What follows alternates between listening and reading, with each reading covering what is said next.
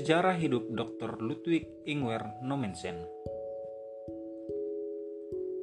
Nommensen terlahir di Pulau Nordstrand di Schleswig yang pada waktu itu merupakan wilayah Denmark.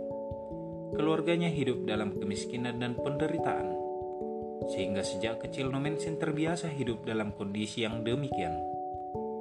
Maka dari itu sejak kecil ia sudah mencari nafkah untuk membantu orang tuanya – Ketika berumur tujuh tahun, Nomensen memilih menggembalakan angsa daripada duduk di bangku sekolah. Pada umur delapan tahun, ia mulai mencari nafkah untuk membantu orang tuanya dengan cara menggembalakan domba. Pada usia sembilan tahun, ia belajar menjadi tukang atap. Lalu pada usia sepuluh tahun, ia bekerja pada seorang petani yang kaya sambil belajar mengerjakan tanah. Ia juga bekerja menuntun kuda yang menarik bajak untuk membajak tanah petani kaya tersebut.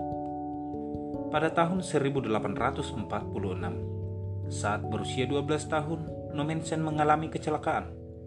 Sewaktu ia bermain kejar-kejaran dengan temannya, ia ditabrak kereta kuda yang menggilas kakinya sampai patah. Dan keadaan yang demikian memaksanya berbaring di tempat tidur berbulan-bulan lamanya. Waktu itu dalam doanya Nomensen meminta kesembuhan dan berjanji, jika ia disembuhkan, maka ia akan memberitakan Injil kepada orang kafir. Setelah kakinya sembuh, Nomensen kembali menjadi buruh tani untuk membantu keluarganya setelah kematian ayahnya. Pada usia 20 tahun, Nomensen berangkat ke Bermen, sekarang disebut dengan Wuppertal, untuk melamar menjadi penginjil. Selama empat tahun ia belajar di seminari Sending Lutheran atau disebut dengan RMG. Sesudah lulus, ia kemudian ditahbiskan menjadi pendeta pada tahun 1861.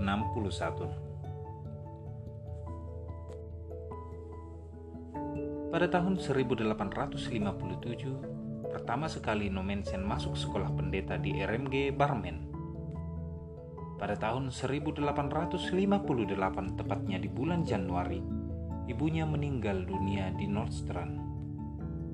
Kemudian pada tahun 1861 tepatnya di bulan Oktober, Nomensen ditahbiskan menjadi seorang pendeta dan langsung diberangkatkan oleh misi Barmen menjadi misionaris ke Tanah Batak.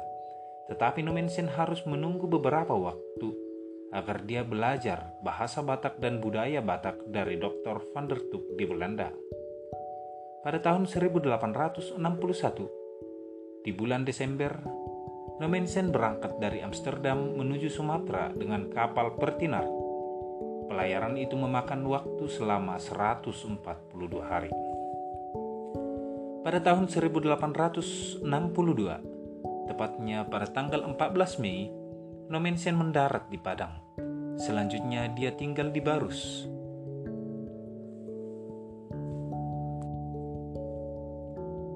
Dari Barus, Nomensen melanjutkan perjalanannya ke Parasorat dan kemudian tinggal bersama dengan pendeta Van Assel di Sarula. Pada tahun 1863, di bulan November, Nomensen pertama sekali mengunjungi Rura Silindung pada tahun 1864 di bulan Mei. Setelah berkoordinasi dengan pihak penguasa Belanda, Nomensen memulai misinya menginjili Biru Rasilindung. Pada tahun 1864, di bulan Juli, Nomensen membangun rumahnya di Said Nihuta. Pada tahun 1864, tanggal 30 Juli, Nomensen menjumpai Raja Panggalamei ke pintu Bosi di Lobu Pining. Raja Panggalamei beserta rombongannya sebanyak 80 orang adalah mereka yang membunuh pendeta Henry Liman dan Samuel Munson, yaitu misionaris yang diutus oleh sending gereja baptis dari Amerika di Sisangka. Pada tahun 1864, tepatnya tanggal 25 September, konflik yang menyebabkan Nomensen akan dipersembahkan ke Sombaun si atas berita di Onan Sitahuru. Ribuan orang datang pada acara itu. Nomensen akan dibunuh dan menjadi korban persembahan. Nomensen tegar menghadapi tantangan. Dia berdoa, angin puting beliung dan hujan deras membubarkan pesta besar tersebut. dan akhirnya Nomensen selamat. Sejak itu, terbukalah jalan akan firman Tuhan di negeri yang sangat kejam dan buas. Nomensen pantas dijuluki apostel di tanah Batak.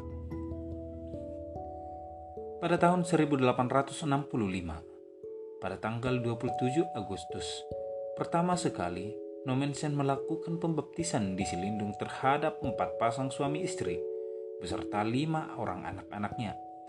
Di antara keluarga yang dibaptis pertama adalah si Jamalayu yang diberi nama Johannes dan istrinya yang dibawa dari Sipirok sebagai pembantu Numensen diberi nama Katarina. Tahun 1866, 16 Maret, Nomensen diberkati menjadi suami istri dengan tunangannya Caroline di Sibulga. Caroline datang dari Jerman beserta rombongan pendeta Johansen yang dikirim Kongsi Barmen untuk membantu Nomensen di Silindung.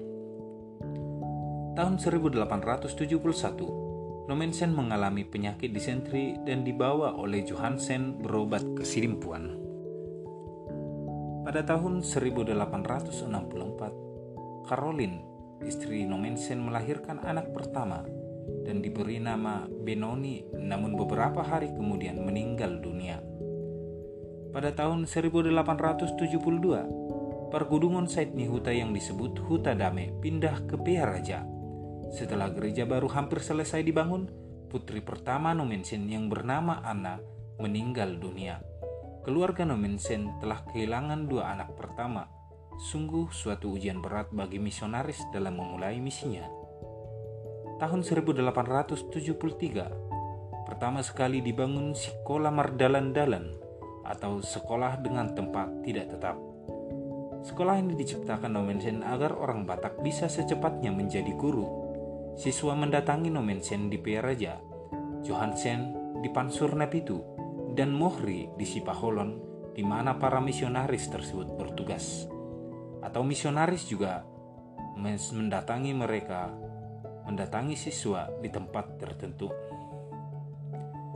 Pada tahun 1875, misionaris Nomensen bersama Johansen dan Simenoid berkunjung ke Toba. Pada tahun 1876, selesailah diterjemahkan perjanjian baru ke dalam bahasa Batak Toba. Dan pada tahun ini juga, sebanyak 7.000 orang Batak telah dibaptis di Silindung.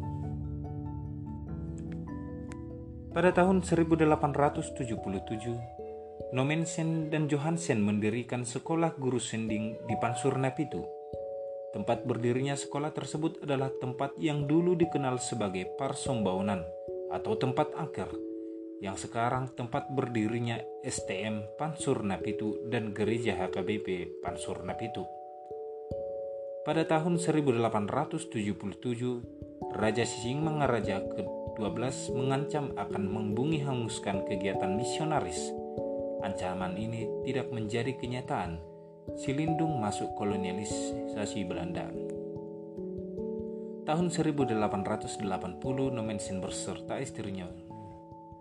Tahun 1881 menjelang Natal Nomensen kembali ke Raja. Dia kembali sendirian. Istrinya tinggal di Jerman karena masih perlu perawatan Anak-anaknya juga tinggal di sana agar bisa sekolah dengan baik. Pada tahun 1881, Kongsi Barmen menetapkan Nopensen menjadi Eporus atau pimpinan tertinggi pertama di HKBP dan dia diberi gelar sebagai Opu